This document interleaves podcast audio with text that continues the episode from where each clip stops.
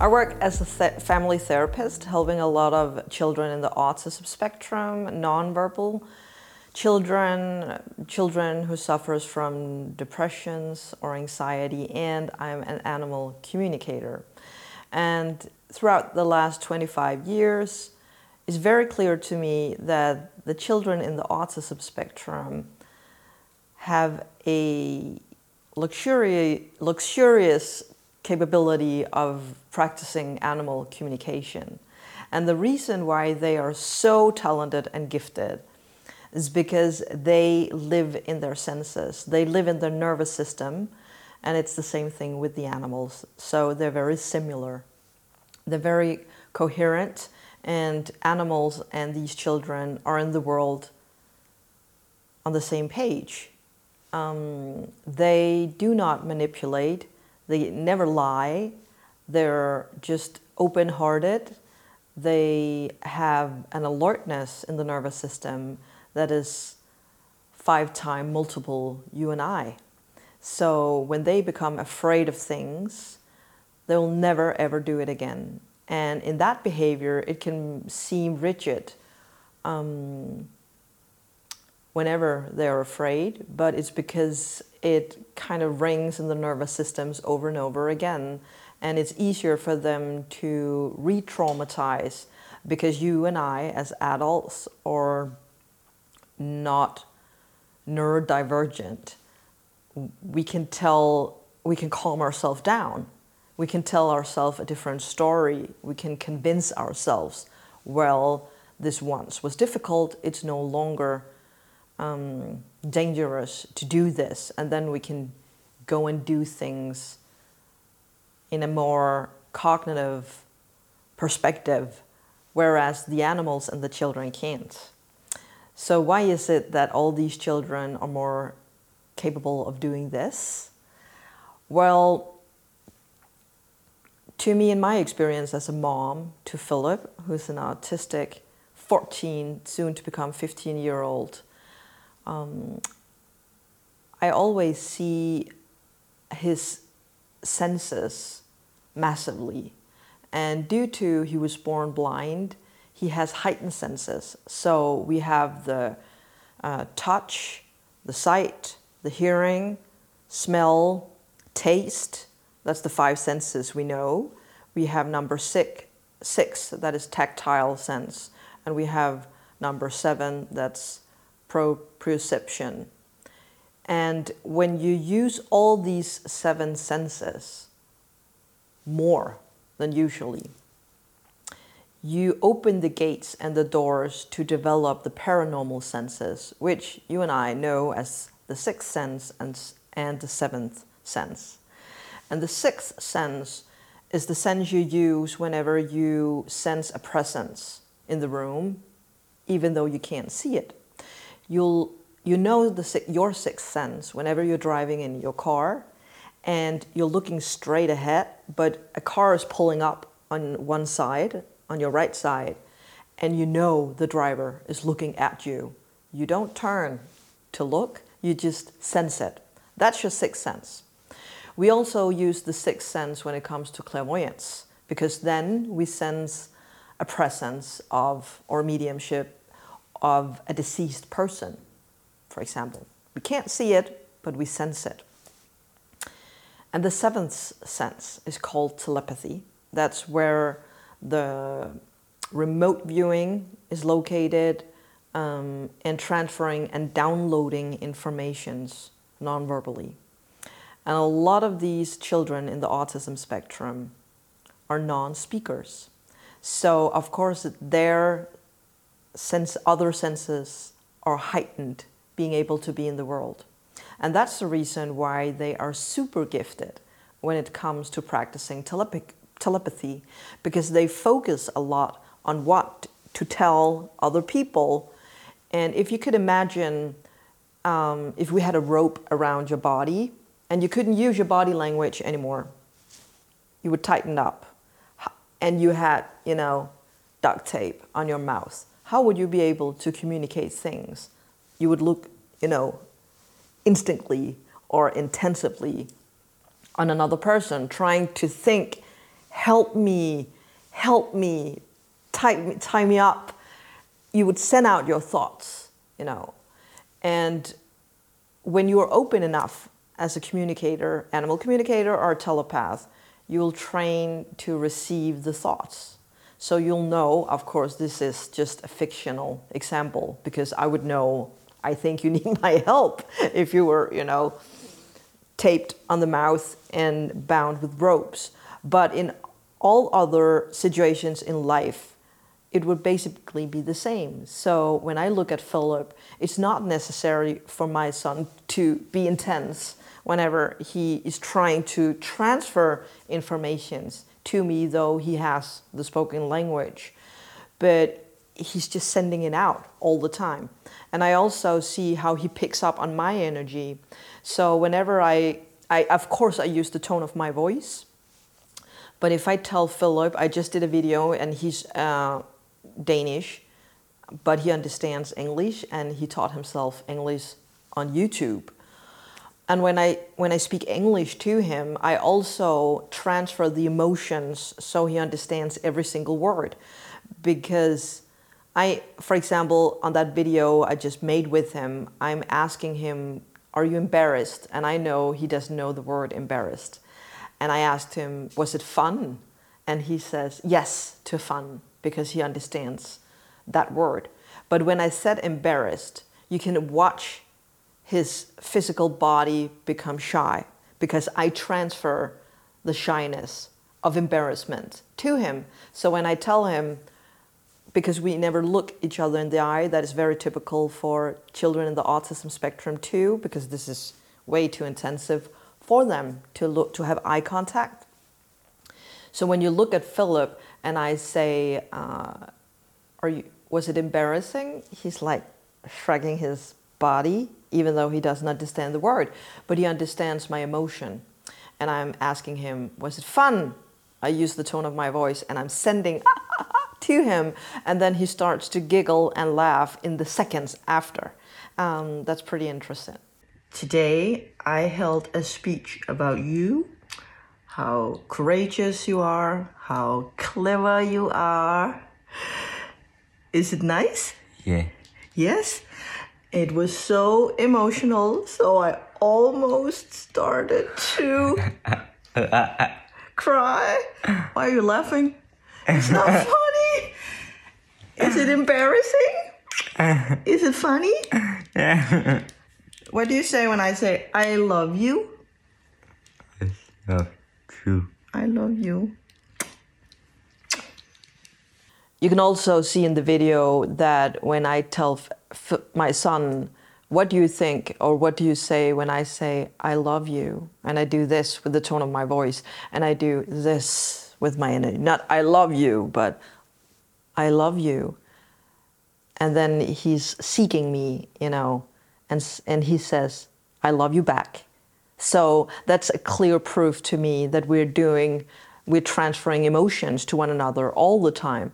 And I think that the people that are normal functioning, who's normal functioning, but to you and I, um, I basically think we do the same, but we don't think about it. We don't think about what we do when we are telling a story, how we use the tone of our voice, or how we use our energy field when we get upset or angry or happy. We're never like this in our energy. We are sending out, I don't want to do this anymore, or I really want to do this. We're, we're communicating in so many ways we are not picking up on. But these children are picking up on it, and the animals are picking it up as well. And that's why I find it very interesting when I work with uh, with the animals. And most of you have seen me working with horses. I control my energy a lot. It's um, a matter of being focused or being out there and uh, not have control over where my energy is going. So another situation I can show you can be training with a dog. I did mental training with the dog mom, and it's outbursting towards other dogs in the meeting with other dogs. So it becomes aggressive basically because it's insecure. And it's not with the mom. The dog's not focused on the mom, it's here and there and everywhere. So I told the mom to stay very focused and be very determined in her energy. And the energy is sent out from the solar plexus, uh, plexus center, which is located under the breastbone. And then I I did like a path to walk. So she needed to be focused on walking this path with the dog.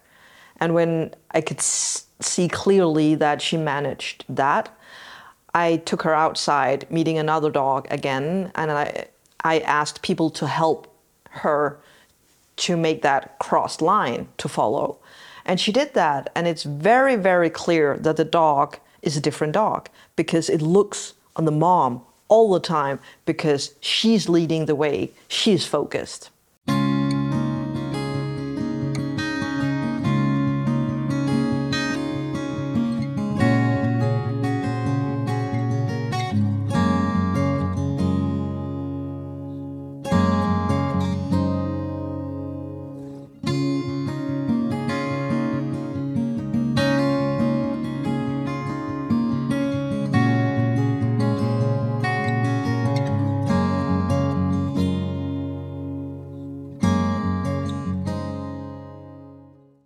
So that's basically what they have in common. These children, the sensitive children, the children in the autism spectrum, they need that.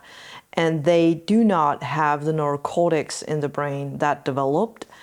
Uh, so they do not manipulate and they do not calculate in a time zone or a time uh, line.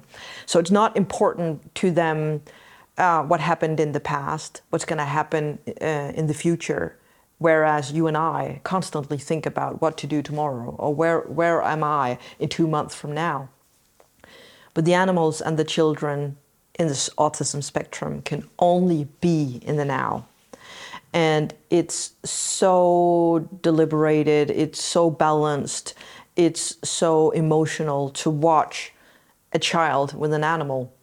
A lot of children in the spectrum have pets at home because they they find a friend, a four legged friend, and they find a mutual friend where they are totally aligned in their understanding because they are in the now. They need leadership from a parent or a grown up to tell us, what do you want me to do now? So a lot of people have that misunderstood perspective on animals and children that, well, I think you can guess it or I think you can figure it out yourself. But every single day until it turns into a pattern in the brain to the animals or to the children, um, they never expect, they never, they never calculate, they never project, they never assume. Well, I did this yesterday, so this is probably what you want me to do. And if they're not being told exactly what to do, they start to be creative. And then we have the grown ups the writers, the dog moms, the parents who are asking me for help, telling me, well, uh, they're misbehaving. They don't do whatever I'm, I'm telling them to do. Why aren't they listening to me? Then back to the focus, back to the focus training. Are you clear in your signals as parent, dog parent, dog, mom to your child? And actually, I don't even think uh, that this should only be necessary for animals or uh, children in the spectrum when it comes to communication. I think the world would be a better place, and we have solved so many debates, conflicts, or behavioral issues if all people started to think about how clear we need to be in our communication. Because misunderstandings occur because we don't communicate clearly enough what it is we want.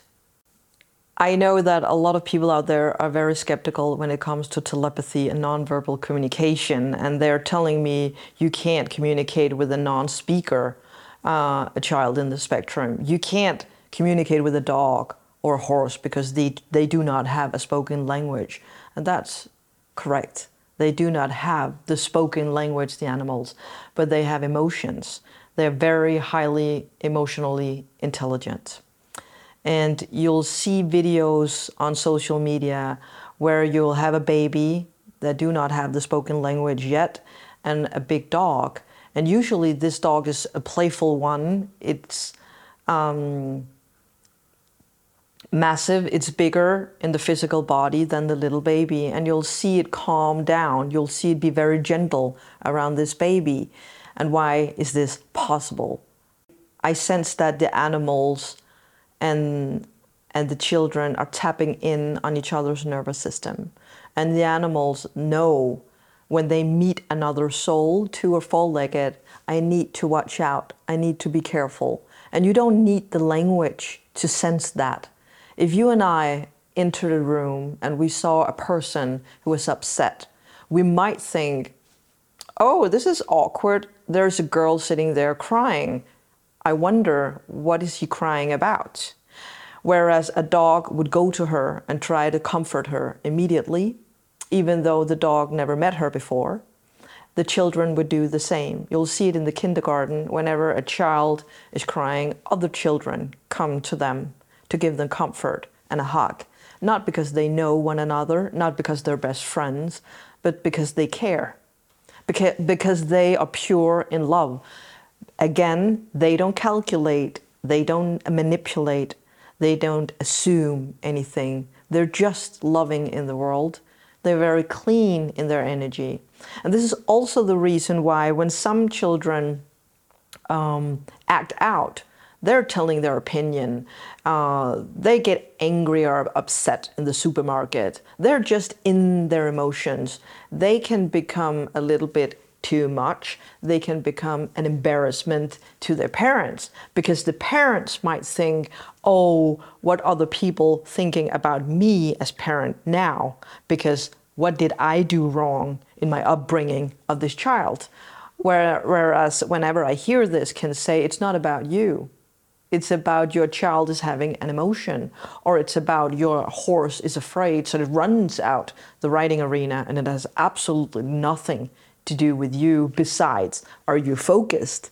And if you're focused enough, you would sense on your animal before it gets um, anxious and afraid and will run out of the riding arena. If you're more focused on the animal rather than yourself and you are connected as a unit, then you would sense it before it ran out. And as a mom, I hope that you would sense if your child uh, was overstimulated and couldn't deal with going to the supermarket, and then you would help your child and never bring your child to the supermarket that day. That could be a great solution. So I hope, and I, I do see, see the development as well in the world now that when children are telling their parents, I think I saw a ghost. I think I have an imaginary friend. I think the dog told me, or I think this horse uh, has these feelings or emotions. I hope all of you who are listening will trust them because I know that they're right.